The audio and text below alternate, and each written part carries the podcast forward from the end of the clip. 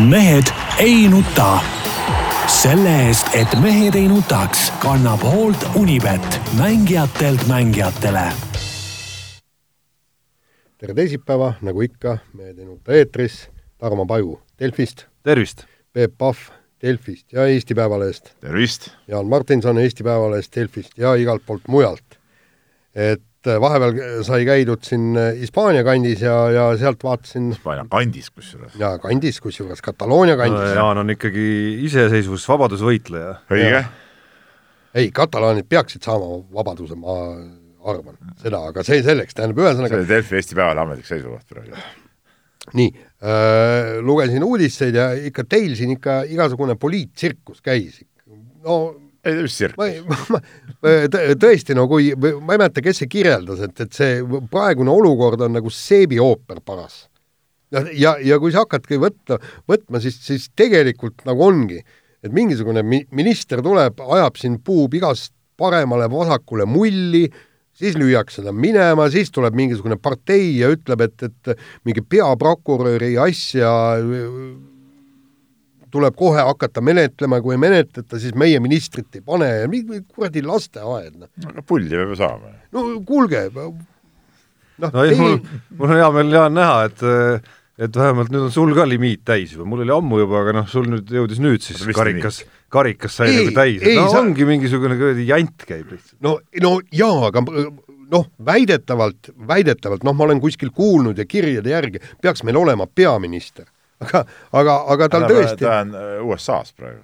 nojah, ja, ja nagu, nagu väga tabavalt oli mi-, mingisugune anekdoot oli siin, et, et munade as-, asemel on tal helmed ja, ja no nii lähebki see asi.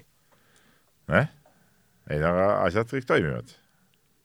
noh, niivõrd-kuivõrd. no kas midagi on, kas hommiku äh, päike tõusis, tõusis, tõusis. nii auto läks käima, auto läks käima, liinibussid sõidavad äh, kauplused avanesid no ei tea, alles tööle. meil, alles meil oli siin öö ja õhtu, kus tegelikult needsamad elementaarsed asjad no, mida sa kirjeldasid no, praegu siin, tegelikult väga ei toiminud. no see oli, ütleme, see oli ka ütleme valitsuse, valitsuse kontrolli alt väljas Võrus olukord. istusid inimesed ja. ilma vee ja elektrik, elektrita, päriselt. kus aga see ei puutunud nagu valitsusse. kuulge, kuidas nii? aga kuidas ta puutus siis? Putin ikka oleks ise kohal kohe, seal lahendaks põhimõtteliselt, ühendaks otsad ära kuulge, aga, aga, aga seal ka tekkis mul palju küsimusi. üks on see, et, et noh, kuidas saab suurfarmil mitte olla generaatorit?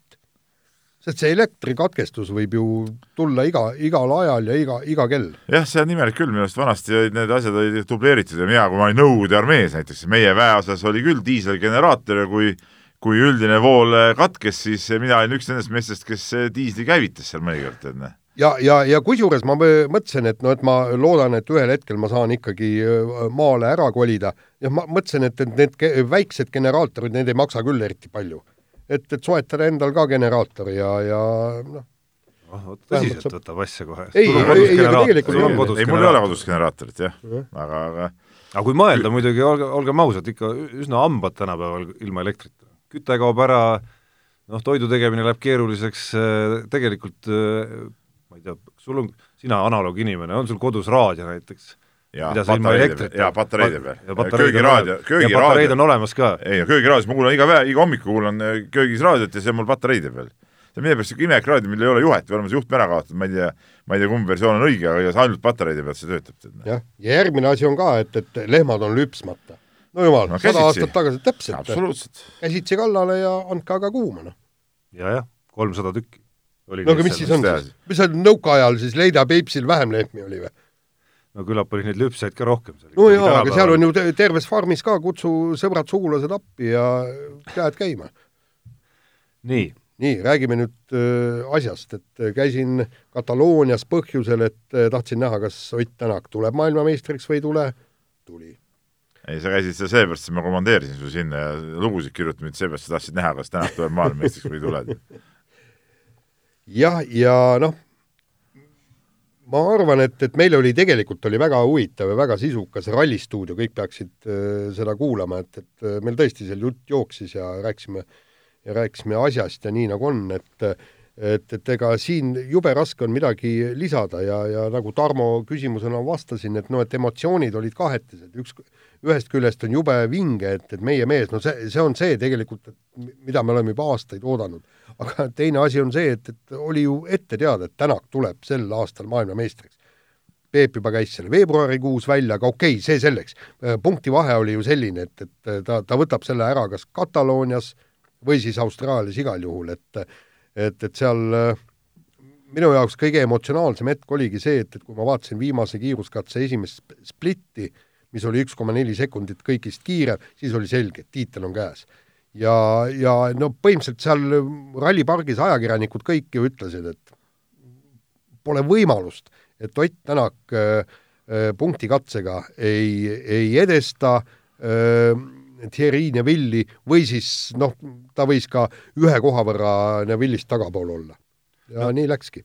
ütleme jah, kõikide nende juttude äh, lisaks on väga raske midagi lisada, aga üks mõte, mida ma ise eile õhtul ja, ja tegelikult täna hommikul veel natukene nagu seedisin endamisi, oligi see ikkagi seesama punkti katse osa ja just see nagu mõttemaailm, mis Ott Tänaku peas pidi siis enne nagu tiirlema, et mis otsuse ta nagu võtab selleks punkti katseks, et kas ta äh, võtab noh, umbes sarnase otsuse, nagu ta oli kulgenud terve ralli, või siis ta võtab selle otsuse, et ta läheb maksimumi peale ja üritab selle asja nagu ära otsustada. et ta pidi oma peas tegelikult need äh, kaalukausid kuidagimoodi nagu läbi käima. Tarmo, ma, ma kohe jahutan sind natuke, tähendab, selles suhtes sa rääkisid sama juttu ka Ralli stuudios. ei, nagu... mitte päris no,. Äh, ma lihtsalt tahtsin nagu veel, veel nagu edasi minna sellega, et, et, et mis valikud tal nagu olid, on ju. ei no ma lasin sellest talle... jahutada, et mingeid valikuid seal otseselt selliseid ei olnud, ma käisin eile Ott Tänakul vastas ja seal ta rääkis päris pikalt ja laialt nendest pingetest, ma seepärast katkestasin sind, et, et, et see, et, et ma sain nagu Oti jutust sain seal kohapeal aru äh, niimoodi, no see ei olnud küll mingi intervjuu, see oli lihtsalt nagu vestlus seal, et see, et, äh, et see päris nii ei olnud, et ta nüüd istus autosse ja mõtles, et noh, nüüd ma lähen lihtsalt panen seal äh, sada noh, kindla võidu peale ja, ja nii suurelt seda võidan, et, et, et noh, tegelikult päris, päris nii need asjad olid ja pinged, pinged olid sees, aga lõpuks, kui ta kui ta seda sõitis, eks ole, seda katset, eks ole, siis ta sõitis ikka nii hästi, kui ta, kui ta parajasti suutis, aga ütleme, et seal mingid varem mingid, et noh, et nüüd ma enne hoian seda tagasi ja no nüüd ma seal katsel, et siis eh, panen selle ära ja löön selle niimoodi kaardi lauale, et et päris nii need mõttekäigud no ta läks siiski nagu ütleme, rohkem piiri peal kihutama viimasel katsel eh, või ta ise eitas seda? ta läks seda lihtsalt eh, sõitma nii hästi, kui ta, kui ta parajasti suudab ja, ja, ja ma saan aru, et alguses noh, see ei olnudki tal kõige, kõige paremini välja tulnudki, ütleme, esimesed kilomeetrid, aga siis, kui ta juba sõitis, siis siis asi sujus, jah. aga ütleme, see ei olnud nagu päris nii, et, et ta mõtleski, et nüüd ma lähen viimasel seal panema, et seal just seesama viimane katse tuligi, tuligi väga palju jutuks, et noh mm -hmm.. ja ta ütles no., need pinged, mis tal olid eh, seal eh, peal, et noh, need olid ikkagi, olid ikka, ikka su-, suuremad, kui nad välja paistsidki. aga teine asi on muidugi seal, seal, sorry, et seal, seal siiski nagu noh, isegi kui ta ise ei kalkuleerinud niimoodi, siis kõrvalt on nagu huvitav, siis jah, kõrvalt jah. on nagu huvitav ikkagi kalkuleerida ka, et mis need valikud nagu seal on, eks ole, kuigi tagantjärele vaadates äh, oleks ta isegi kolmanda kohaga ki-, siis sellel äh, viimasel kiiruskatsel kindlustanud oma asja ära, on ju, aga no seda ta ette ei teadnud, ta pidi arvestama, et Riino Vill võidab selle katse siiski. et äh, et, et, et, et, et ta riskis, ütleme, oletame, et see oli nagu päris otsus, jess, ma lähen nüüd vähemalt need kakskümmend kilomeetrit, ma riskin nagu täiega, on ju, et noh, siis ta pidi riskima ka sellega, et ta nagu keerab untsu midagi.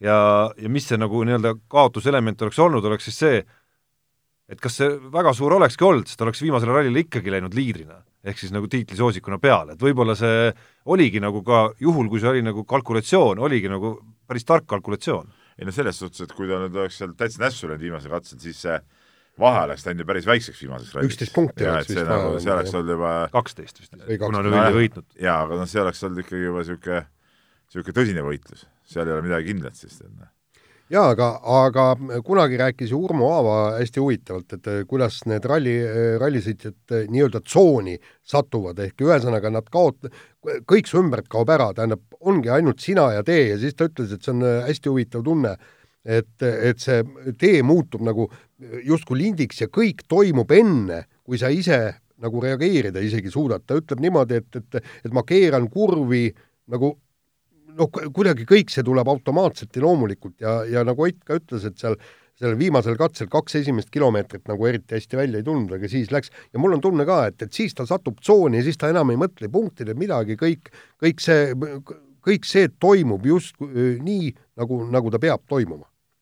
ja, ja, ja tõesti, noh, ma, ma ei usu, et ta selle viimase kiiruskatse nüüd sada kümme protsenti, ma ei ole kindel ka, et ta sada protsenti seal sõitis, niisugune üheksakümmend kaheksa äkki.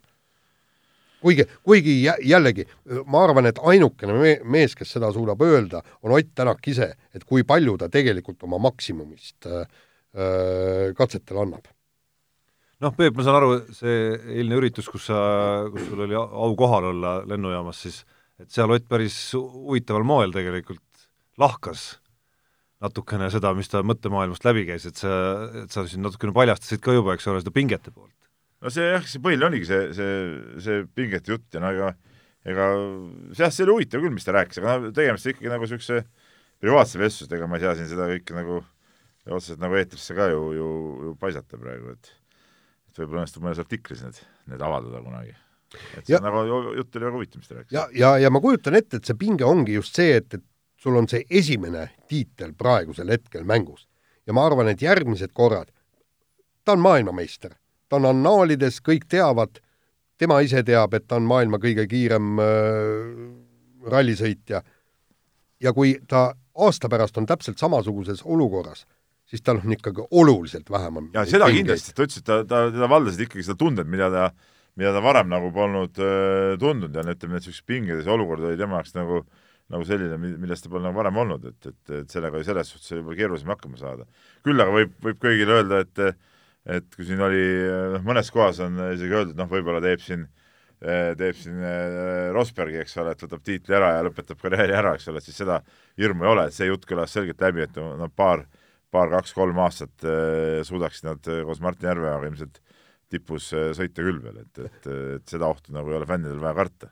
Huvitav, kus... järgmiseks aastaks võib juba rallidele ikkagi pilet ära osta. huvitav, kust see jutt nii valjult nagu tuli, et see hakkas juba minu arust niisugune kuu tagasi või kuskil niimoodi, hakkas vaikselt kuskilt mingeid niite pidi ju nagu liikuma, samal ajal kui oli teada, et väga aktiivsed ja noh, pigem isegi sellised nagu äh, kuidas ma ütlen, pilli lõhki ajavad läbirääkimised on ju käimas mitmel rindel, et ja, ja pluss, kui sa nüüd mõtled seda hetke, siis see ei ole vist Nico Rosbergiga võrreldav siiski ka, kui sa mõtled, mis lepingu Ott Tänak saab nüüd versus sellega, mis tal oli. Jah, ei seda muidugi, jah.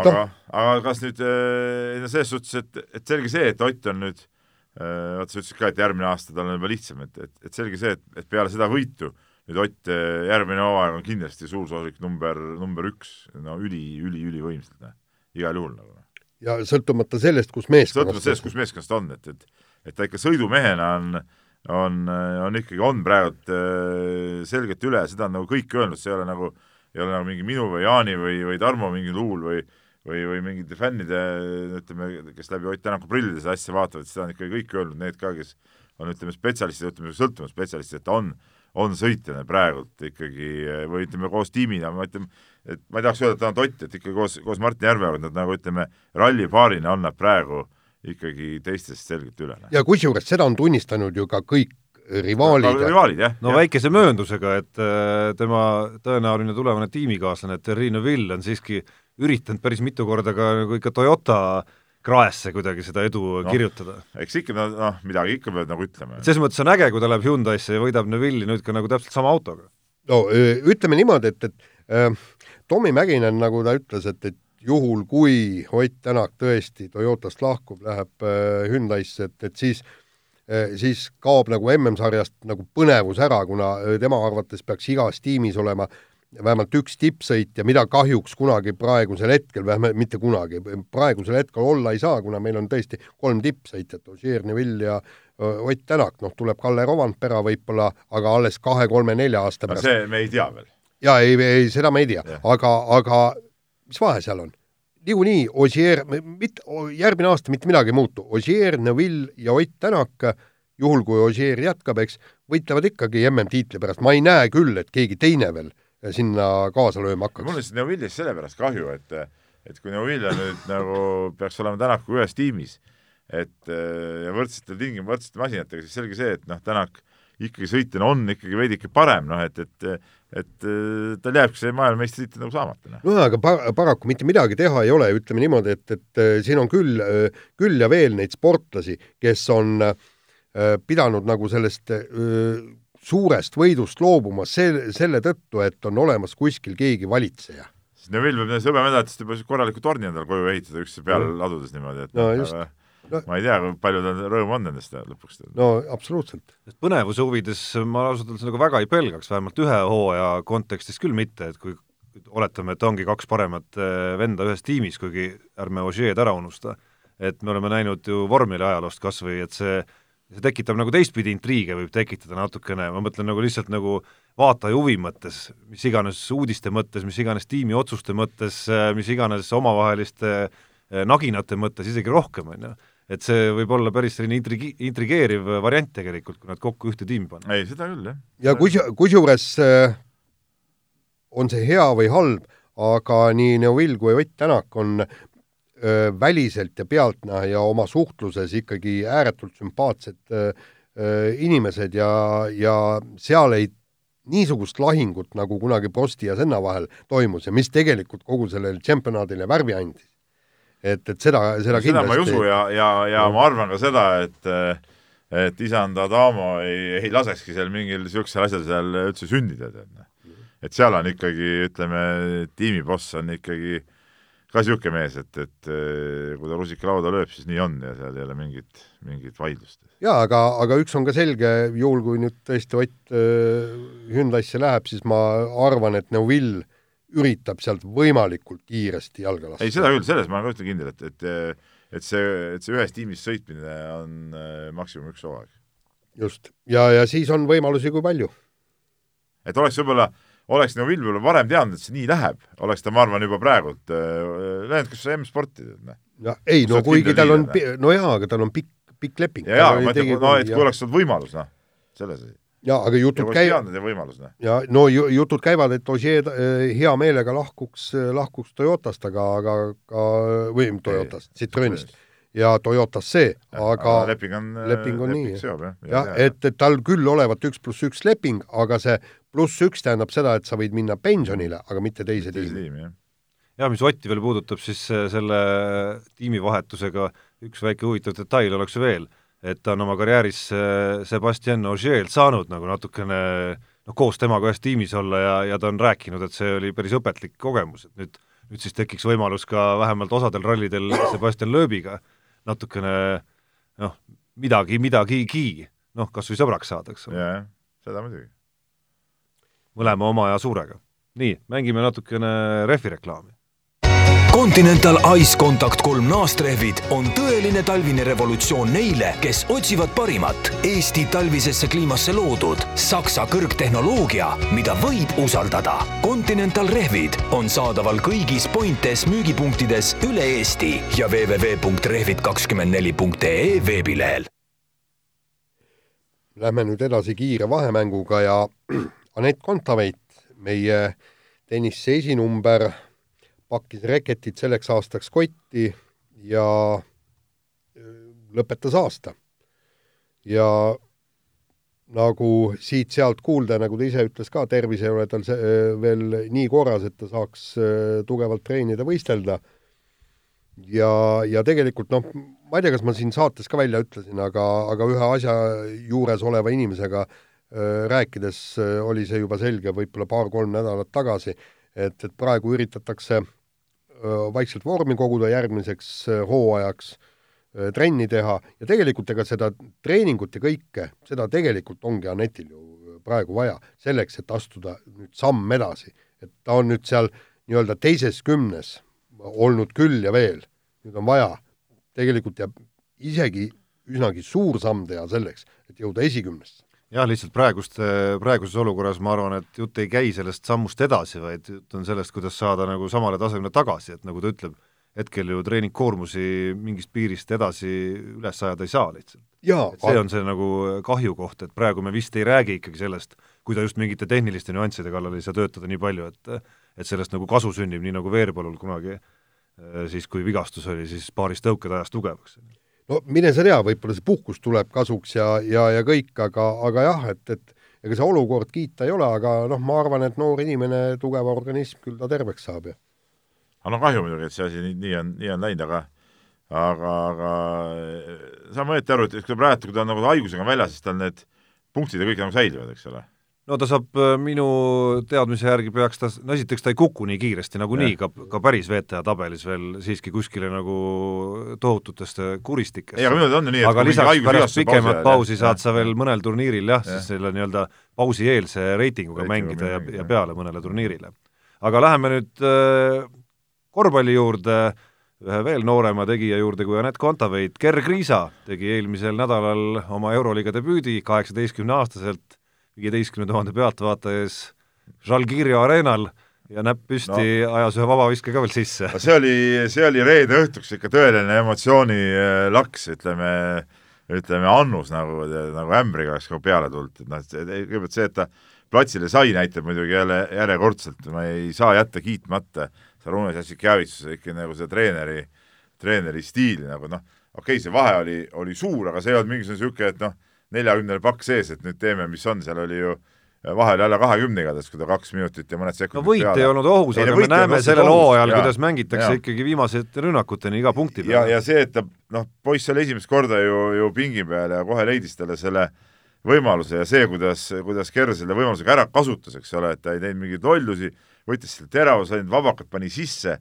noh, ma ei, ma ei, pean nõustuma või no raske vastu vaielda Kalev Kruusise kommentaari, et see on, see on ilus õhtu, no see oli ilus õhtuna no, vaadata seda, et et ma tean siin mõned, mõned kolleegid, kellega ma too õhtu ka telefonis rääkisin, nagu ei, ei, ei mõistnud võib-olla seda, seda minu eufooriat ja siin võib-olla mõne teise inimese eufooriat veel, aga no see oli, see oli vägev värk ja, ja ma ütlen, et see, see on täpselt sama asi, kui kui mõni Eesti mees saaks, ma ei tea, jalka Champions League'is platsile või, või saab Euroliigas platsile, et kuue, kaheksateistaastaselt, noh, midagi pole öelda, kaks aastat tagasi mängisime Eesti U kaheksateist poolfinaalis ta vastu, nii et noh, nii, nii see on. Noh. no seal on äh, kaks asja, üks asi on ju see, et, et, et ta sai platsile võidumängus. vaata, kui sa oled miinus kahekümne või miinus neljakümnega taga ja siis pannakse sind väljakule, see on hoopis teine emotsioon ja teine tunne ja kõik nii, eks. aga see, et, et sa oled, annad oma panuse siia võitu, kas või ühe punktiga, aga ikka aga mis oli nagu eriti vinge selle asja juures, oli see, kuidas see, esiteks see saal toetas, eks ole, teda,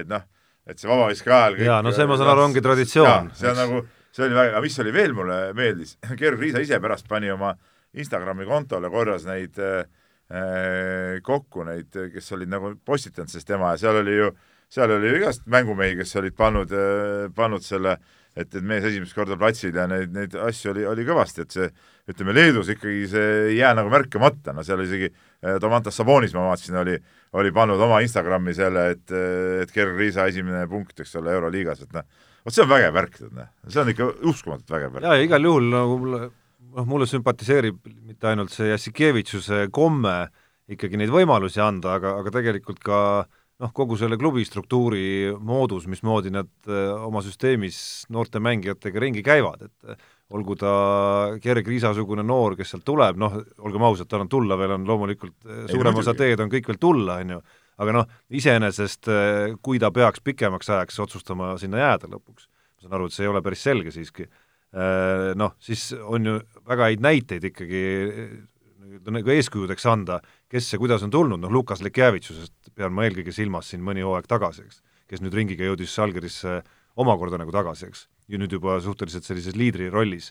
Äh, või, või või needsamad noored, kes mingil hetkel, kui nad ei ole justkui nagu esindusmeeskonna küpsed, siis saadetakse mingitesse teistesse Leedu klubidesse, nii nagu äh, see pikk, vist oli Keeben ta nimi. Keeb,, kes äh, eelmisel hooajal palgati, tuli USA-st tagasi, palgati, üks hooaeg saadeti siis nagu müttama ikkagi Leedu liigasse ja siis nüüd on tagasi ja, ja tegelikult on ka platsil kogu aeg. jah, ei see on, see on, vot see on nagu tark, klubi tark tegutsemine ja majandamine, no ütleme, siit peaks nagu kõik ka Eesti klubid peaks ikkagi nagu eeskuju võtma sellest, kuidas asju peaks tegelikult ajama. jaa, aga mina kui äh, võhik tahaks nüüd teada, et mis on Kriisal vaja teha ja kui kaugel on ta sellest, et ta punkt üks, oleks äh, igas mängus pingil ja punkt kaks, et ta saaks igas mängus oma kaks, kolm, viis äh, nišiminutit täis. No seda, et saaks alguses need kaks, kolm, viis nišiminutit alati täis, no see, see, sinna on veel nagu aega, aga see, et ta peaks olema satsis, tal tuleb oma oma eesolev eh, Jokubaitis üle, üle mängida, noh, kes sai praegu vigastada, tänu sellele ta sai, saigi Kriisa nagu satsi, et eh, Jokubaitis on aasta vanem, kaks tuhat poiss ja, ja Kriisa kaks tuhat üks, nii et noh, et eks see nii on, ega ta mõnikord võib saada, mõnikord mitte saada, et et need võimalused on, on, on olemas, aga ma arvan, et noh, Jakob Aitis vist ta kohe terveks ei saa ka, tal käsi oli, oli lahases, ma vaatasin seal mängu ajalgi. Ja, ja seegi oli sümpaatne, kuidas ta Kriisale plaksutas seal, eks ole, see on nagu no, aga, aga, aga ütle, kuida-, öelge, kuidas seal Salgirises on, kas äh, oma meestele tehakse nagu eeliseid ka, et, et kui on, Eesti mees on natukene leedulasest parem, siis ikkagi eelistatakse ei, ma ei usu neil ei ole mõtet ju võtta sinna mingit välismaalast ja siis hakata äh, vaatama seda, et oi, ta on natuke parem, me edasi paneme, siis hoiatas. et, et päris nii need ei käi, nad vaatavad ikka suht realistlikult, need hindavad. aga no ma ütlen ja no ja mis on nagu Kriisa puhul põhiline, on see, et on sel hooajal ikkagi selles äh, duubelmeeskonnas tõusnud ikka täielikuks liidriks, no ta ju, ta ju võtab seal asju ette, no vahest isegi paneb natuke äh, natuke hullu, aga no ütleme, niisugused mängijatel ongi see lubatud, noh, et midagi teha ei ole. Noh. ja, jah, alles paar nädalat tagasi, Peep, mäletad, ma tulin kiruma, et keeras ühe mängu lõppu ja rääkisime, vaatasime seal... seda ja rääkisime jah, sellest, jah, täpselt, noh aga nii on. jah, eks siin oli natukene õnne ka kaasas, no ma ütlen, see Jokubaitis enda vigastus pluss ka Perezi vigastus ja, äh, ja, ja ka tegelikult see, et see mäng just sellisena läks, sest ega näiteks Jokubaitis ei olnud äh, see sel hooajal veel väljakule oma võimalust saanud. eelmine aasta sai muidugi, et selles suhtes, et see hooaeg on ju ka vähe olnud, see oli ju alles ju neljas mäng, eks ole, jah, et et äh, täna algab ju viies jälle Euroliigas, nii et soovitan õhtul topeltmängude nädal. topeltmängude nädal, soovitan kõigil vaadata neljal õhtul Euroliiga. juhuu nii, mina pean järgmise teemaga edasi minema ja Eesti Olümpiakomitee presidendivalimised on, on siin vist tuleval aastal tegelikult. aprillis. aprillis jah, tulemas ja, ja nüüd on välja ilmunud juba esimene presidendikandidaat, Tartu mees Jaanus Kriisk, tuntud kui siin treener ja, ja ettevõtja ja, ja tuntud ka kui üsna karm kriitik. üsna karm kriitik praeguse spordisüsteemi suhtes, ka kergejõustiku liidu juhtimise suhtes, üldse spordiasjade suhtes, et et sõnakas mees, aga, ja, ja tuli ta siis eelmine nädal välja selle oma, oma ideega, et tema nagu tahaks kandideerida ja tal on omad nägemused ja asjad, aga öö, no ma väga ei usu tema väga suurtesse võimalustesse, ma ütlen ausalt kohe ära. et, et jah, tal on kindlasti mingi teatud tugi, mulle tundub, et seal ka Tartu poole peal on tal päris selge tugi olemas, aga, aga tervikuna ma ei tea, kas ta ikkagi tervet Eesti spordisüsteemi nii palju äh, nii palju kõnetab, eh, noh, kergejõustusringkondades kindlasti ta on väga, väga tuntud, aga kas ta tervet Eesti spordisüsteemi nii palju kõnetab, et saada selle koha peale, et ta ei ole ikkagi võib-olla, võib-olla piisavalt, kuidas ma ütlen, eh, särav ei ole nagu õige sõna ja, ja, ja tal nagu ideed ja kõik on olemas, aga ta ei ole, ta ei ole piisavalt nagu pildil olnud ikkagi selleks, et saada, saada sellist kohta, ma, ma lihtsalt arvan, et tal ei tule need hääled niimoodi kokku. et jah, selle kandidaadi, eh, mis tal on vaja viisteist toetusallkirja, et üldse kandideerima hakata, eks ole, selle ta võib kokku saada küll, aga aga et seal äh, valituks saada on vaja ju mingi üle kuuekümne äh, hääle, eks ole, et, et see on, see on päris keeruline. muide, ma äh, eile lõpetasin ühe väga huvitava ajalooesseede raamatu ja seal räägiti nii-öelda dissidentidest. et, et mikspärast seal nõu-, Nõukogude ajal ja ka praegu neid dissidente, noh, okei okay,, pannakse vangi kõik, aga neile suurt tähelepanu ei pööra. et seal, seal on see asi, et nad on väga kriitilised, nad, nad räägivad ja kõike, nad räägivad eh, tihtipuhku ka õiget asja, aga nemad ei ole need, kes suudaksid asju muuta. Nad, nad on tõesti väga head jutumehed, aga nad ei ole paraku ka tegudemehed. ja ma, ma ei kujuta ette, kas äh, Jaanus Kriisk oleks võimeline ka oma tegudes kõike seda süsteemi äh, muutma ja pöörama. sest tegelikult seal, seal hakkab juba kõik pihta sellest, et, et sul, sa pead olema, sul peavad olema nii Eesti ärimeeste kui poliitikute ja kõikide telefoninumbrid, sinu telefon võetakse vastu ja sa pead suutma ka läbirääkimisi pidada, sellepärast midagi ei ole teha. üle maailma on ikkagi sport, on nii-öelda riigi rahakoti peal. ja teine asi, noh, no ei, ei, ei muudeta seda, ei, ei too tema neid spordikoole, kui ta teeb mulle selgeks, kuidas ta toob need spordikoolid tagasi, ma olen esimene mees teda kohe valima. aga sina, Jaan, kahjuks ju õnneks ei saa valida, nii et ei, mina ei saa jaa, aga ma hakkaksin kohe kogu, kuigi meie organisatsioon no., Spordiajakirjanike eh, liit minu teada, meil mitte minu teada, vaid, vaid nii ongi, noh, eh, valib, aga aga, aga jah, et, et see, su jutt on, su jutt on nagu õige, aga, aga, aga noh. no mis tema juttu puudutab, siis eh, see osa Äh, tema intervjuus Märt Roosnaga oli kindlasti oluliselt realistlikum kui praegusel presidendil, mis puudutas seda, et kust, äh, kust võiks tulla lisaraha sporti, mäletame, et Sõõrumaa lubas ikkagi erasektorist mingeid tohutuid summasid tuua, mis juba siis kõlasid ikkagi kuidagi ebarealistlikud, vaadates nagu seda reaalset seisu, mis äh, igasugu sponsorrahade osas Eestis valitseb. aga see huvitavam koht minu arust selles intervjuus puudutas ikkagi ühte väikest, äh, ma ütleks isegi luukere tema kapis, ehk siis see Maicel Uibo kunagine toetusarutelu, ma ei tea, kas te panite tähele, mismoodi ja, ja Jaanus Kriisk vastas küsimusele, et, et miks, kuidas siis niimoodi, et tema sellel hetkel, kui äh, Uibo justkui nagu toetuse pealt pidi ära kukkuma tänu sellele, et äh, see medal, mis ta võitis, oli sise, sisevõistlustelt, mitte kümnevõistluses.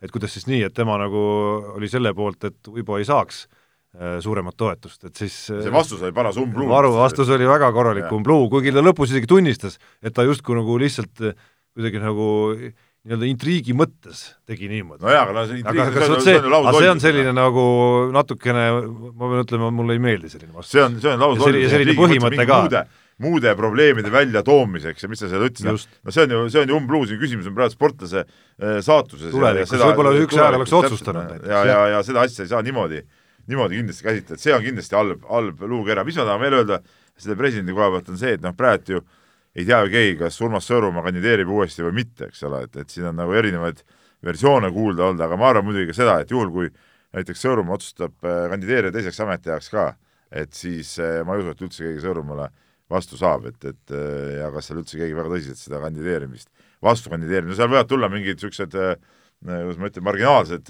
noh, nagu alati on olnud siin eelmine aasta, eelmine kordki mäletame, olid, olid igast huvitavad tüübid, kes üritasid seal hääli kokku saada, et niisuguseid mehi võib olla, aga, aga ma arvan, et kui kui Sõõrumaa otsustab, et ta kandideerib ühe korra veel, et siis meil on järgmiseks perioodiks on president. aga äkki, äkki aprilliks ikkagi on Jüri Ratasel põhjust uuesti kandideerida? jah.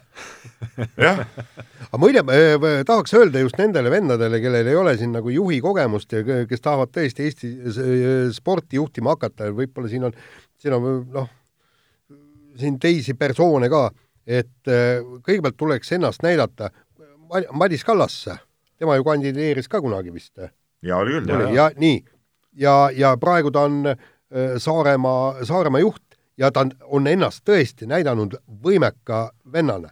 Ja ma arvan, et kui tema nüüd kandideeriks, mida ta nüüd vaevalt küll teeb, eks, siis, siis oleks temal igal juhul väga suur šanss äh, saada EOK presidendiks, sest asjad toimivad äh, tema vallas vot seda me täpselt ei tea, kui hästi asjad toimivad, ma loodan no, küll, et fakt on see, et tema kogemuste pagas igatahes on, on hoopis midagi muidugi, muud kui toona kandideerides. muidugi, muidugi. aga, aga ikkagi ma arvan, et ma arvan, et kui Sõõrumaa on, siis, siis, siis ta jääb, nii on. nii, aga äh, võtame järgmise teema ja äh, loetud hetked Äh, pärast äh, Ott Tänaku MM-tiitli vormistamist äh, katkestati Kuressaares, muide Madis Kallase sa ei suutnud siis asja ära, siis sa räägid, kiidad sind. jah, et Madis Kallas on piinlik lugu ausalt. ja, ja kohaliku satsi ja Nõmme Kalju kohtumine, sellepärast oli tormituul, puhus kõik igasugused teevashüppematid vastu. miks olid äh, Madis Kallas, ma tahan teada, miks olid teevashüppematid nii halva ilmaga õues? Miks need ei olnud viidud nagu vihmavarju vahepeal? ja, ja, ja teine asi on see, et, et näiteks suusahüppe äh, mägedel on kohe tulevase EOK presidendi ja, ja miks ei olnud nagu tõmmatud ette sinna mingi tuulevõrk, tuulevõrgud, eks täpselt üldse terve mere peaks minu arust ära kuidagi lõikama selleks puhuks.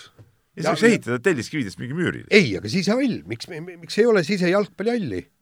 kakskümmend tuhat pealtvaatajat. no aga tassinud see teivashüppematt sealt pingi pealt ära, mänginud edasi, noh. mina tean näiteks, et samal päeval ja kusjuures samal ajal toimus, äh, toimusid Jõelähtmes ühed golfivõistlused, seda küll pooleli ei jäetud. kusjuures ka mere ääres, okei okay,, Põhja-Eestis natukene oli vaiksem kui saartel ja Lõuna-Eestis, aga ikkagi. no ma ei tea, kuidas on jalgpallireeglid, kuidas golfireeglid, golfireeglite puhul on äh, ainult kaks tingimust, millal võib äh, võistluse katkestada, üks on äike ja teine on see, et, et kui väljak muutub mängitamatuks, ehk siis no vett kallab nii palju, et, et palju ujub sul vees, veeses, aga tuule ja selle puhul mängitakse rahulikult edasi. no vot. nii, aga kiire vahemängu lõpetuseks äh, äh, plaan oli siin tuua mängu Sebastian Ogier kaasa Andrea Kaiser, kes siis Citroeni Citroeniks sõimas, aga tegelikult äh, äh, see oli õhtune uudis ja, ja me peaksime siiski ära märkima minu arust äh, Martin Laas ja, ja jalgrattur ja Saksamaa tippklubi ülikõva sõna ju. ülikõva sõna, jah. Jaan, nii-öelda jalgrattaspetsialist meil ka toimetuses. jaa, ei oled kuulnud? ei, olen kuulnud ja eile, eile õnnestus, õnnestus lugeda ja aga nagu ma sain aru, et mind kohe huvitas, et, et mis ülesandega, mis eesmärgiga, mida ta seal eh, tegema hakkab, paraku ta ise ta ise ka ei teadnud, nagu ma ise ka ei teadnud, et no ega ta Peeter Sagani asemel ilmselgelt ei lähe sinna kohe nagu finiši no fakt kui selline, et ta sinna tiimi juba sai, on iseenesest nagu tähelepanuväärne. jah, ja teine Jaan ootaks nüüd, eh, peab kandma töö lähteülesande, et eh, tahaks lugeda noormehest no eks siis äh, tuleb äh, mingil hetkel täita see ülesanne. jah. no nii. Unibetis saab tasuta vaadata aastas enam kui viiekümne tuhande mängu otseülekannet. seda isegi mobiilis ja tahvelarvutis. Unibet, mängijatelt mängijatele. Nonii. räägi Unibetist. no rääkige teie ma võin rääkida alustuseks küll endast, et see nädal äh, tõepoolest äh, äh, tegelesin ka panustamisega ja jäin väiksesse miinusesse, üks panus läks pihta, teine läks mööda. esiteks muidugi korvpallimäng Permi Parma ja BC Kalev Cramo vahel tõi natukene lisakontole, sai mängu ajal pandud seal, seal selle peale, et Parma siiski võidab selle mängu aga sa panid siis, kui Kalev oli ees parajasti? ma panin siis, kui äh, vist enam-vähem poole ajal kuskil, kui Kalev oli tagasi mänginud taga, ennast, just. et see koefitsient, et see koefitsient oli mänginud ennast ikkagi peale kolmanda lõppu see koefitsient olnud veel parem. jaa, vahepeal läksid veel paremaks. ja teine oli ka live-panus, kusjuures sain äh, innustust sellest, et vaatasin TV Play pealt jalgpalli Liverpooli ja Tottenhami vahel, seal oli olukord, kus Tottenham läks juhtima mängu kohe esimesel minutil ja päris tükk aega Äh, kihlveokontorid pidasid äh, nagu võitjasoosikuks ikkagi Liverpooli, mis mhm. tundus mulle selline, et okei okay,, et Liverpool nüüd viimasel ajal nii hästi ka mänginud ei ole ja läksin ja panin Tottenhami võidu või viigi peale selle panuse ära, aga mingisuguse õnnetu totra vea nii-öelda tõttu jäin ma ikkagi sellest äh, viigist ja, ja võidust ikkagi ilma. no juhtub, juhtub. kihlveokontorid, nagu näha, teadsid ikkagi paremini.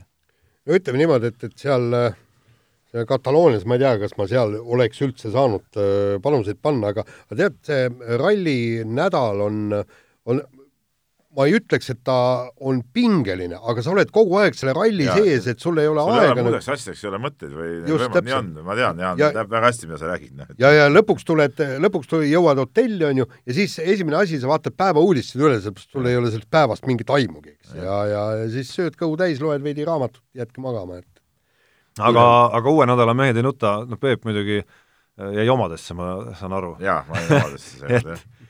et mehed ei nuta uue nädala eripanus on töös ja puudutab Euroliigat ja Žalgirist, kaks mängu sel nädalal, Zeniit kodus ja Fenerbahce võõrsil ja teeme sellise eripanuse selle, sellele, et Žalgiris suudab mõlemad need mängud võita.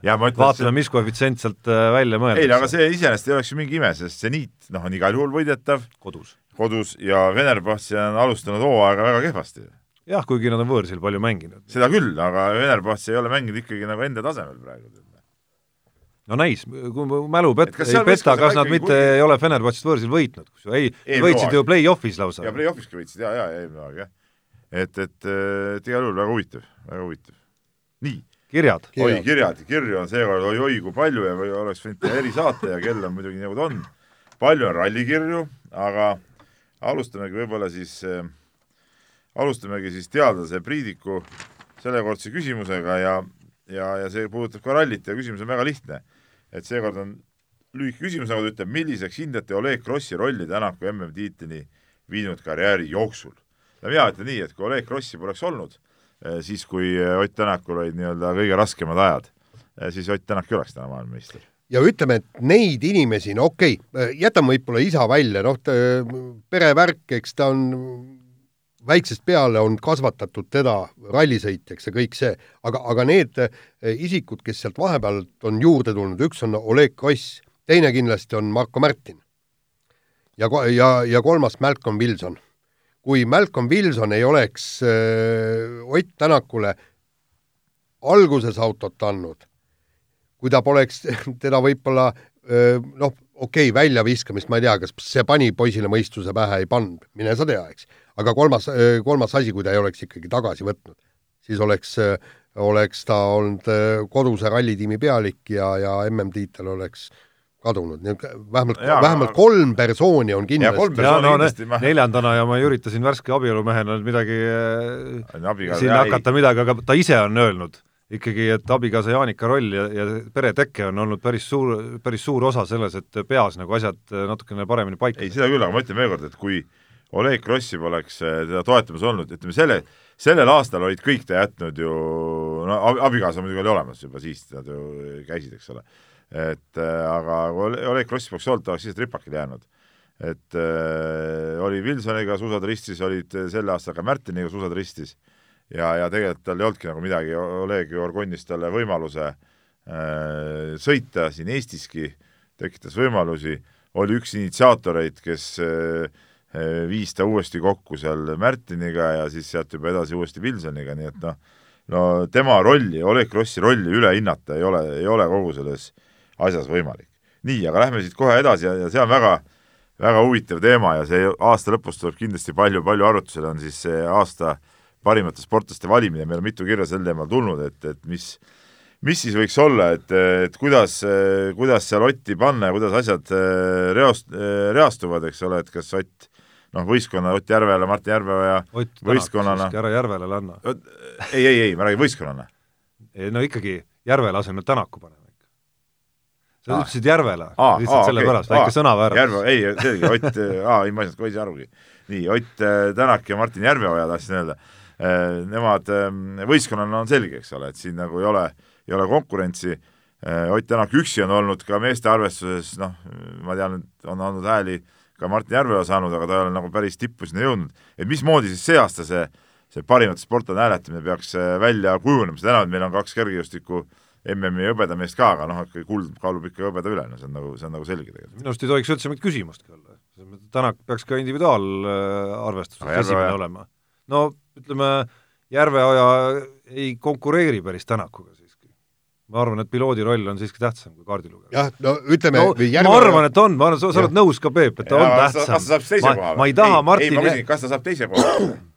ma arvan, et ma Kirdist ikka ettepoole teda ei paneks, aga olemata, aga olemata, olemata ta on ju kaardilugejate maailmameister. olemata nüüd läbi äh, raalinud tervet seda nimekirja, siis esiviisikusse paneks kindlasti. ei, aga miks tema koht on siis maailmameistrina näiteks, näiteks neljas ja, ja no,, ja, ja minu silmis, ma saan rääkida enda silmist, tuleneb see mingist rolli erinevusest siiski, et eh, no midagi ei ole teha.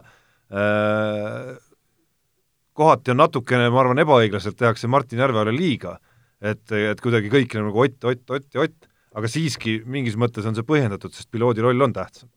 ei no aga ta ei saaks ju sõita, kui kaardilugeja poleks. ei, see ei no jaa, samas, aga, aga ütleme nüüd niimoodi, kui me vahetame Ott Tänaku välja, siis ma arvan, et eh, Martin Järveoja ei tuleks ei, seda maailmameistriks. küll. ei, aga mu asja point oli see, et, et Järveoja on ka maailmameister, eks ole, et miks ta on siis kehvem kui näiteks Kirt või Uibo, see, sellest eh, loogikast ma Tarmo jutust ei, aru ei saanud. no sest, sest ta on kaardilugejate maailmameister. see on, see on, see on puhtalt in, hinnanguline küsimus. jaa, mis sina arvad? ma ei oska öelda praegu veel. ma ei, ma ei ole isegi selle peale nagu tõsiselt mõelnud. ma pigem mõtlen seda, et, et kas äh, meil on olnud sportlasi, kes on aastaid, aastaid, aastaid kogu aeg parim sportlane järjest olnud. kas Ott Tänak on siis äh, iga kord, kui ta võidab maailmameistritiitli, on ka kohe automaatselt parim või öö, suudab keegi ka teda väärata? no sõltub, kas on väärajat või ei ole. kas Ei meil on, eelmine- ei kas no meil on eelmine aasta- olümpiavõit ja kas meil järgmisel aastal või oleks ei eelmine, ma tuletan meelde, eelmine aasta Tänak oli MM pronks ja Kirt oli EM-pronks ja Kirt sai esimeseks. Jah. ta sai ka sellepärast, et ikkagi jäi see hääletus äh, nii-öelda nagu noh, ütleme, Ei. Võib-olla teen liiga nendele inimestele, aga sinna jäid ikkagi nagu sisse just ajakirjanike hulgas sportsdissidente, kes äh, otsustasid, et kuigi üleüldine otsus oli, et Tänak äh, kandideerib ka nagu meessportlaste arvestuses individuaalselt, siis nemad nimme ei pannud ja sellest see tekkis. Tarmo, ja teine asi oli see, et tal oli ju teine-kolmas koht järjest. vot see on see, see, mis, mis on ka minu püstitatud küsimus. et kas ka kaks MM-tiitlit, järgmine oleks juba noh, ütleme, et ta ei oleks kehvem tiitel, aga, aga seda me oleme juba varem näinud no aga järgmised MM-tiitlid, mida nüüd äh, kuidagi väga kergelt äh, kipuvad kõik kaela Nagu oleks riputama nagu oleks käes juba, on ju, et, et noh, ka need on erineva väärtusega kindlasti emotsionaalses mõttes vähemalt. Äh, ja me ei tea kunagi, kas, kas või järgmisel aasta kontekstis tekib meil mõni olümpiavõitja sinna äh, konkurentsi kõrvale või ei teki. nii äh, ja kui, siis mis alal ja mis ta veel selle aasta jooksul teeb? Markus küsib sellist asja, et kui Jaan nägi nüüd oma silmaga Oti, Ott Tänaku maailmameistriks kroonimist, siis tekkis tal küsimus, et kui paljudel Eesti maailmameistriks kroonimistel on Peep ja Jaan kohal olnud ja kummal neist eh, võiks neid rohkem olla, ma, no Tarmo ka vana spordiajakirjanikku võiks ka siia nimekirja panna, ma, aga ma võin kohe ära öelda, et kuna Jaan on näinud kõiki suusatamise MM-tiitleid, siis Jaan kindlasti võidab selle, palju sa näinud oled neid? jaa, ei ma olen kõik, kõik MM-tiitlid No nii palju kui neid on Äh, neli või? Äh, neli. Neli. jah. ja nüüd see oli sul viies maailmameistritiitel? see oli viies maailmameistritiitel. samas noh, ma, ma jälle hakka, hakkasin mõtlema, et, et noh, võib-olla mõned MM-tiitlid ei tulnud niivõrd puhtalt. jah, seda küll, selles suhtes minul on, on kaks maailmameistritiitlit, Just. Gerd Kanter ja Andrus Värnik. ja need on kindlasti puhtad, jaa, ei absoluutselt. seal ei ole küsimust tekkinud. kas sina, Tarmo, oled maailmameistriks ma ei ole vist maailmameistritiitlit äh, kogenud nii-öelda koha peal, kogenud küll, aga olümpiavõitu jaa, et Jah. ja ma arvan, et see on ka üks ägedamaid äh, spordiajakirjaniku elu mälestusi ikkagi. Ei, olümpiavõite on mitu ka kusjuures, ka. Gerd Kanteri oma, aga mis ma tahtsin öelda, oli Erki Nool, Sydney olümpia kindlasti, kõik, kõik need äh, üleelamised ja kettaheite kettaheite mahavõtmised ja, ja taas tagaspanekud ja kõik see närvide mäng seal, see oli, see, see aeg, ütleme, Erki Noole kajastaja olla oli kindlasti üks ägedamaid perioode ja ägedamaid asju üldse ajakirjaniku karjääris. aga nii, et siis üldiselt ikkagi ma kroonin ennast siin nüüd võitjaks. Jaan on, Jaan on nagu kahtlane, ütleme nii. Noh, ütleme niimoodi, ma pakuks viiki. no okei okay,, võib-olla siis viik, jah. nii, aga ikka ma pean veel kord kusjuures Tali olümpiavõite on ju ka veel siis kogetud, et olümpiavõite ma ei välista, et mul on rohkem isegi. ei, olümpiavõitja mul üks saanud, Gerd Kanter. no minul on, ma, ma ei ole näinud alates kahe tuhandendast aastast ainult ühte olümpiamedalit nüüd siis Rio de Janeiro sõu-, sõudmist, et äh, seal samal ajal toimus jaa, me olime sinuga vehklemissaalis, me olime erinevates väljaannetes, sel Jah. hetkel meie noored kolleegid olid eh, sõudekanali ääres ja meie vaatasime vehklemist. ja lootsime medalit ja sähsu. me läksime nii-öelda, meie läksime nagu medalit kajastama Jaaniga, nagu oma toimetuste niimoodi nagu tippreporteritena, noored saatsime sinna. jaa, no nagu ikka, noh, näed, Rivo, Rivo Saarna oli ka kohal, näed, Kataloonia rallil kohe. aga läks nagu teisiti No no,, meil oli mingi hädine neljas koht ja ja, ja seal, seal oli medal. nii, aga ma pean äh, veel küsima äh, ja on, on Jaani käest palutud küsida sellist asja, et, äh, et siin on tekitanud äh, et just Jaani, Jaani käest küsida, et kuna Ott Tänak ütles Delfi videos, et huvitav on lugeda Eesti kvaliteetset ajakirjandust, kus üritatakse rallifoorumitest midagi kokku panna, no see oli siis nagu kriitika igaste nende kuulujuttude äh, nii, nii-öelda kuulujuttude ja, ja spekulatsioonide kajastamises, mis on tegelikult nagu maailma ajakirjanduses täiesti normaalne tegevus. et siin on küsimus Jaanile, et miks rallil viibivate ekspertide arvates puudub Eestis kvaliteetne ralliajakirjandus, kuigi ollakse rohkearvuliselt rallidel esindatud? no me ütleme niimoodi, et, et mis tähendab, et kvaliteetne ralli ajakirjandus, ütleme, autosport on ju väga kvaliteetne, eks.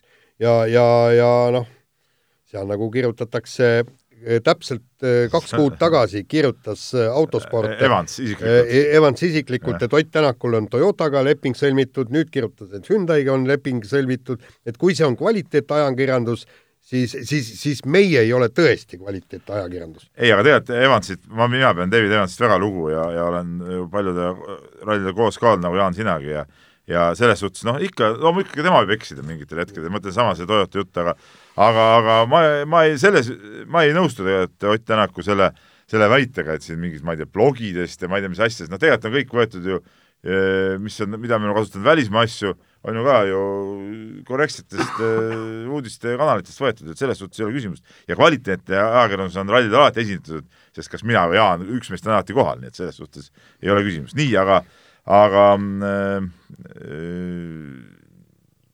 jah, küsimus veel kord Jaanile, et, teine küsimus ka, et et kui siin oli jutt sellest, et kindlatele allikatele tuginedes äh, Tänak ja, ja Märtin on Jaapanis Toyotaga asju arutamas, et siis küsimus, et kuidas äh, kui nüüd on täiesti kindlasti allikatele teada, et äh, oktoobri alguses leping sõlmiti Hyundai'ga, et mis siis äh, mehed seal äh, Jaapanis tegid? no põhimõtteliselt seal on äh, punkt üks, ma arvan, et seal on äh, ajaline nihe, et, et see info, et, et nad on äh, Jaapanis ja ma, ma arvan, et nad ei käinud nad ei käinudki, mina arvan, Nad ei käinudki käinud üldse Jaapanis, et see jaapanlastega asja ajamine on seal sinna kohale minek. just, aga, aga no ühesõnaga me, Peep, teame üht-teist, aga me ei saa rääkida. Nii on, et, nii on, aga ja, ja nii, nii jääb. ja ma arvan, me nüüd rohkem ei jõua vist kirju võtta, kuigi siin neid kirju on küll veel, aga kell on juba nii palju, et, et tänaks tarvis saade õigel ära lõpetada, siis mul tuleb järgmine asi peale juba. nii, paneme asjaga edasi ja räägime kappame siis. kappame, kappame Räägime. nüüd, hobune. jah, teatud äh, suusatamise MM ja olümpiamedalitest äh, et prokuratuur on äh, tänu Austria-Saksamaa kolleegidelt saadud materjalidele äh, esitanud süüdis, süüdistuse Mati Alaverile, et, et ta kallutas tema treenitud sportlasi dopingu tarvitamisele. ja noh, ütleme niimoodi, et mida teistmoodi saanukski teha prokuratuur või? no nii palju saanuks, et äh, kui ma nüüd mõtlen, mis edasi hakkab juhtuma, et ma saan aru, kuskil novembris tuleb see istung, kus äh, ilmselt siis vormistatakse ära see nii-öelda kokkulepe menetlusena ja, ja see on nüüd see osa selles loos, kus ma vähemalt isiklikult pean tunnistama, et ma natukene nagu olen pettunud, et see asi nagu päädib kokkuleppe menetlusena, sest noh, kokkuleppe menetlus sisuliselt tähendab siis seda, et äh, osapooled äh, nõustuvad siis selle nii-öelda paragrahviga ja nõustuvad äh, karistusega, aga see ei tähenda, et nad nagu süü omaks võtavad. Ehk siis Mati Alaverile, kui see nüüd läheb kokkuleppemenetluse teed, jääb siiski võimalus ko-, sealt kohtusaalist tulla välja ja öelda, et ta küll tegelikult ei ole nõus kõige sellega, mis seal on, aga umbes ma ei tea, selle, selle või teisel põhjusel oli lihtsam ikkagi see asi nagu niimoodi lahendada. ei no Tarmo, sa oled udujuttu praegu. ei, ma ei aja üldse udujuttu. ta saab seda ka tavalise protsessi käigus lõppedes öelda ju. no ütleme, siis, siis on natuke keerulisem. ei, mis keerulisem, see ka praegu juurdlusmaterjalid avalikustatakse samamoodi. jaa, aga kokkuleppemenetluses jääb ikkagi nagu kohtupidamine kui selline nagu ära. ei, see kohtupidamine ei muuda asja. ei, Tarmo, vaata. kohtupidamine ei muuda üldse asja. Mati Alaveril on praegu ideaalne võimalus näidata, et tema ei ole kedagi kallutanud dopingu tarvitamisele. kohus teeb otsuse ja vot siis ta tuleb tõesti, valges mantlis tuleb rahulikult rahva ette, ütles palun.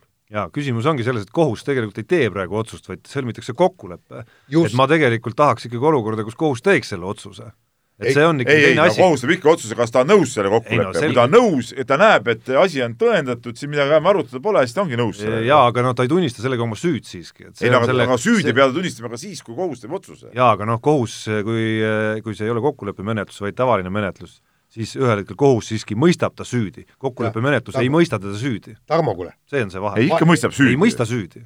see ongi see vahe. ei, ei, mis mõttes tähendab, kokkuleppe menetlus on see, et lihtsalt hoitakse aega kokku, lihtsalt ei ole mõtet seal midagi enam arutada. ei, seal on ka niisugused väiksed nagu Tarmo, konksud sees. Tarmo. ei no oot-, oot-, oota hea nüüd. Aga kui ta süüdi ei ole, kuidas seda karistada saavad siis? saavadki, sest nad sõlmivad sellise kokkuleppe, et no ma ei tea, säästa, ma ei tea, omakseid säästa jaa, kui nad kokkuleppe sõlmivad, siis see on ju, see on, see ongi süüdimõistmine. no tegelikult seal, seal jäävadki need konksud, et pane tähele, kui see, see aeg, et kui see aeg sinna jõuab, siis, siis need ongi need asjad, mis mind häirima jäävad. Tarmo, kui on kokkuleppemenetlus, siis see on täpselt nagu Schrödingeri kass, ta võib olla elus ja surnud. et ühesõnaga, Mati Alaver võib olla süüdi ja võib olla puhas. kui on kohtumenetlus ja mida Mati Alaver, kui ta on puhas, siis ta kindlasti nõuaks seda ko kohtuprotsessi, seal on kahte võimalust selle üle.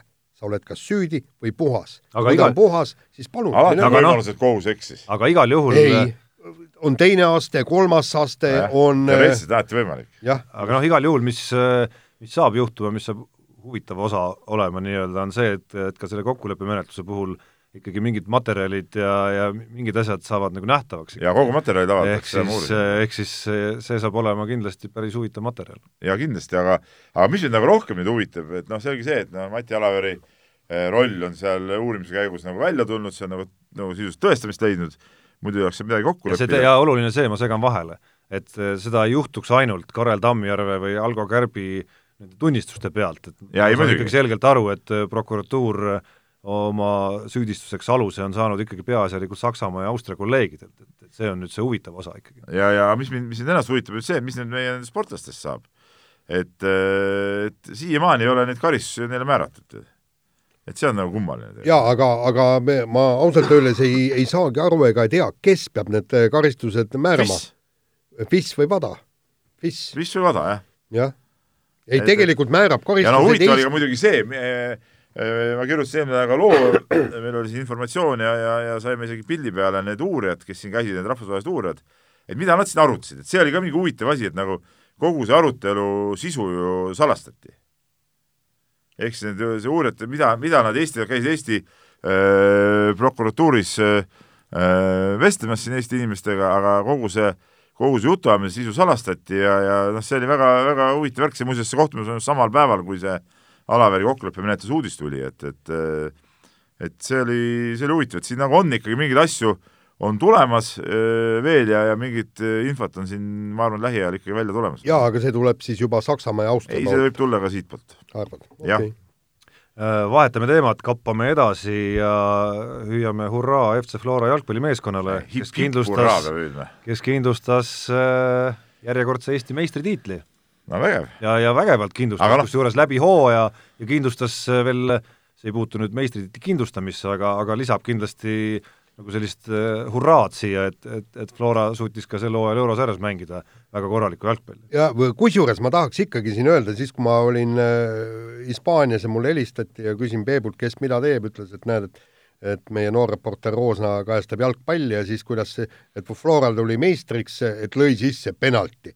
ja paneme nüüd kõrvale, kuidas Ott Tänak krooniti maailmameistriks, pani uhkelt kinni ei no Jaan ütles selle peale, et see meistritiitel ei loe, et No penaltiga lööd ära. no muidugi, no just täpselt.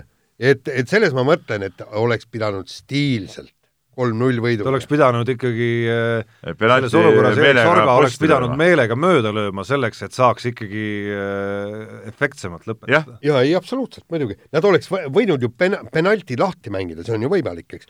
kõksad palli natukene ette ja tagant tuleb vend, paneb kas taha ei tohi kõksata või? Vot seda ma ei tea.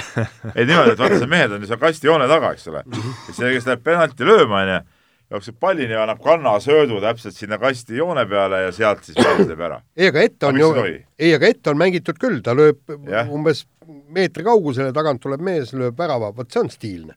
aga asjast rääkides, siis äh, noh, me ei hakka siin petma nüüd kuulajaid sellega, et üritame etendada mingit tohutut jalgpallieksperte, aga siiski äh, jälgides ja lugedes jälgides ja lugedes siiski äh, äh, mõned asjad on kuidagi väga sümpaatsena tundunud FC Flora meistriks tuleku ja selle hooaja juures.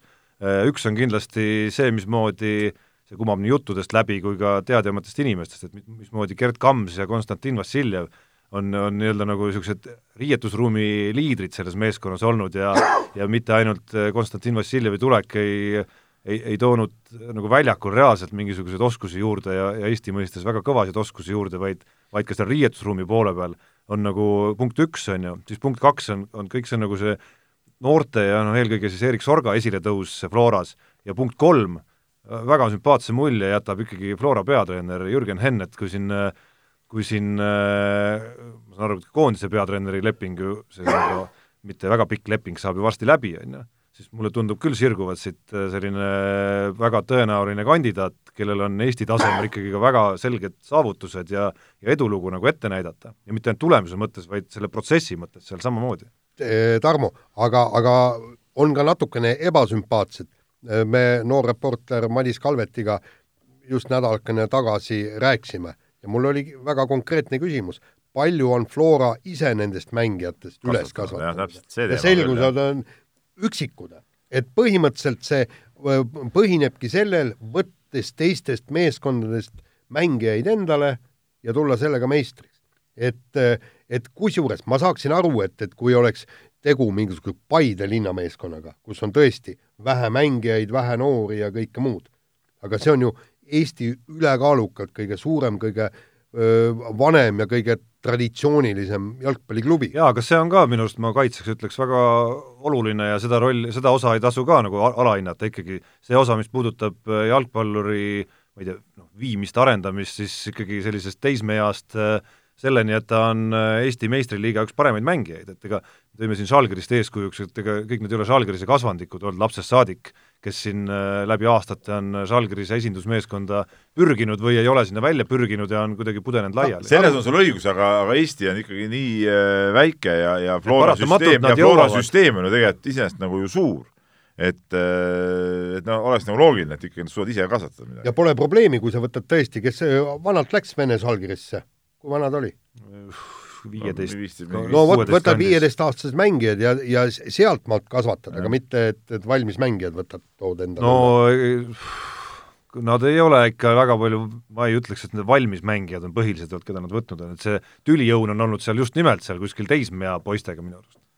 nii, aga äh, selle ploki lõpetuseks räägime natuke korvpallist, Kalev Cramost ja Kalev Cramo see hooaja algus vähemalt on olnud väga niisugune intrigeeriv ja ja huvi tekitav, meil on fikseerimata eelmise nädala siis äh, suurepärane võit Peterburi seniidi üle ja ja laupäevane valus kaotus äh, Permi Parmale, kus kus tuldi tagaajamisest ilusti välja, saadi juhiti ette, juhiti ja, ja siis viimasel veerandajal laguneti koost, et, et aga aga tervikuna muidugi jah, Kalevi hooaja algus on olnud sümpaatne. Ja kui nüüd saaks nagu selle korvialusega kuidagi nagu mehitatud, siin on nüüd neid mehi siin sätitud nii ja naa ja, ja uued mehed on jälle tulnud, täna vist on Pärnuga neil koduliiga mäng, et, et võib-olla saab mingitki aimu, mis, mis need mehed endast kujutavad, et et ega see Kristjan Kangur nüüd eluaeg seal tsentrit ka mängida ei, ei suuda, et see ei ole päris tema positsioon, kuigi ta on nagu suurepäraselt need esimestes mängudes seal hakkama saanud. noh, pluss ei ole reaalne, et Kitsing ja Kangur kestavad kogu aeg, et praegu on selles mõttes äh, no Kitsing on parimas korvpallireas, tema võib nagu mängida küll. ei ole õnne olnud, aga, aga selles mõttes on õnne olnud, et kodumaised eh, need olemasolevad jõud on ikkagi püsinud seal üsna kindlalt ikkagi olemas, et mõtle, kui seal oleks kellelgi juhtuks seal midagi, kas või hüppeliiges või või ma ei tea, väike külmetushaigus, on ju, et siis oleks ikka päris hambad praegu. seda küll, jah. et eh, eks me Kalev Cramost jõuame muidugi rääkida siin hooaja jooksul pikemalt palju, et eh, ma eile natukene, üks kuulaja küsimus oli ka vist nende uute meeste kohta, et me selleni ei jõua, et noh, ma natuke ja. õhtul ka tuhnisin, et noh, arusaadavalt on näha, et noh, need ei ole, eks ole, mingid Multri või Roteni mastimehed, keda on toodud, et see riskiaste on oluliselt suurem seal, aga vähemalt teoorias noh, tundus seal võimalust küll, et, et need tüpaažid võiksid sobida, et siin keegi on heitnud ette, et oh, mis nii lühikesi mehi tuuakse siia ja mingeid asju. noh, see tundub tänapäeval niisugune kohatu jutt olukorras, kus saja, saja üheksakümne kaheksane Kyle Hines ja ma ei tea, kahesaja kolmene Brian Dunston on Euroliiga parimad kaitsemehed üldse korvi all, et et seda ei maksa see, nagu väga vaadata. ja no Kristjan Kangur näitab seda, näitab, väga, näitab ju ka ilmekalt. perfektselt, jaa. nii, mehed, ja nüüd kiirelt, tehke mul, tehke mulle selgeks, omal ajal mida kirjutas väga, väga elegantselt, oli vist Ville Arike, kui et eestlased käisid soomlasi õpetamas korvpalli mängima ja nüüd järsku me palkame soomlase Eesti koondise peatreeneriks. kuhu me oleme laskunud? kas enam, enam sügavamale mutta võib vajuda? enam sügavale mutta, Jaan, vajuda ei saa. ei no äh, eks ta ole äh, no ärge nüüd afišeerige üle ei, seda soomlase asja, see kõlab nagu jutuna hea küll, aga olgem ausad, Soome korvpall päris mitme, nagu nõus, päris nõus. mitme fakti poolest ongi Eesti korvpallist mööda läinud, midagi ei ole teha, vaatame, kus divisjonides mängivad nende noorte tiimid ja kuidas koondis on mänginud ja ja, ja kus on nende tippmängijad, siis aga ja. millega meie aga, oleme tegelenud? ei no Jaan, sa see on eraldi küsimus praegu. et see, et Jukka Toiala on soomlane, ei ole kindlasti tema miinus, ma tahan seda öelda. ma ei tahaks enne hakata ka uut peatreenerit kuidagi arvustama, kui ta on äh, oma esimesed mängud ära teinud äh, ja, ja saame näha, kuidas tal see peatreeneri töö välja tuleb, et, et küll tal jah, ma käisin ka eile, eile, eelmine nädal siis, seal pressikonverentsil, kus äh, tema, kus ta tutvustas oma mingeid ideid ja ja eks ta niisuguse idealistiline natuke tundus ja, ja aga noh, kui kui ta teeb need asjad siin ära ja, ja mina ei oota erinevalt korvpalliliidust, et korvpallikoondise peatreener seal mingit ma ei tea, mingit üldist asja veaks ja see ei ole nagu üldse nii oluline, selle jaoks on spordidirektor, võtke see spordidirektor, pange ametisse ja ja las ta tegeleb seal nende noortekoondiste ja selle kõigega.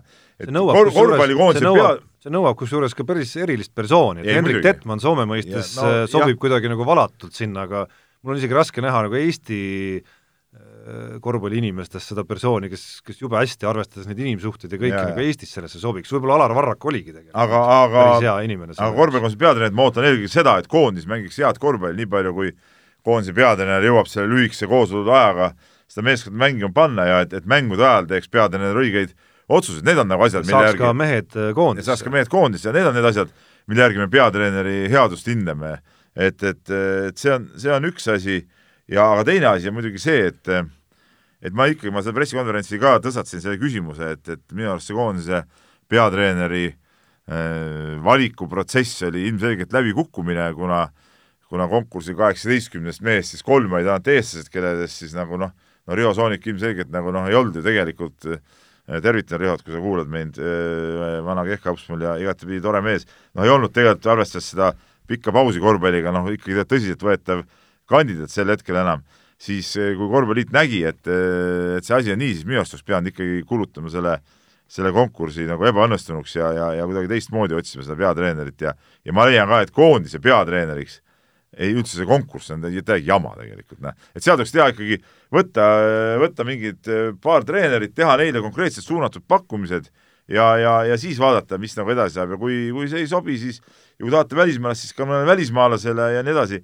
aga see, et see mingi konkursiga, noh, see ei ole, see ei ole nagu mingisugune dissimisse valimine, tead, see on nagu midagi muud ikkagi tegelikult. jah, no mul on siia raske lisada midagi, sest ma olen vist isegi siin saate-eetris äh, sama seisukohta ju väljendanud varem, et, et mul jääb ka segaseks, miks tingimata, isegi kui otsiti meest, kes ei ole nii-öelda nagu ainult tulemust ei tule tooma, vaid ka, vaid mingeid süsteemseid asju kuidagi juurde ehitama. ka siis on võimalus, noh, ma ei tea, võtta kas või sabast kinni sellel samal päris palju vist Eestis resideeruval Reed Nopponenil, ühel äh, noh, noh, ma ei saa öelda maailma kõvemal, aga ikkagi nagu väga tipptasemel agendil no,. meie piirkonna mõttes ikka kõvem. panna temaga kokku nii-öelda nagu oma soovid, eks ole, ja siis lasta natukene nagu maailmas ringi vaadata, et, et, et kes need mehed on ja mis need, kes need kandidaadid võiks nagu olla ikkagi.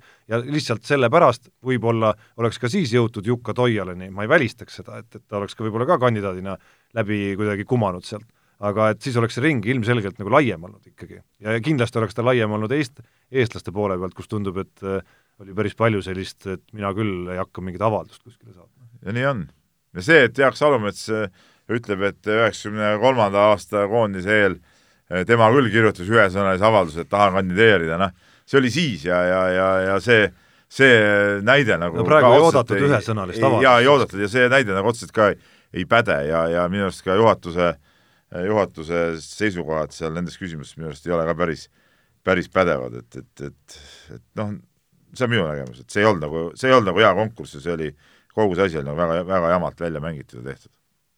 nii, nii., aga pealt tunni oleme jälle juttu puhunud, loodame, et kuulasite kõik meid ja saite naudingu ja olete nüüd õnnelikud ja valgustatud ja kõike muud ja kohtume nädala pärast.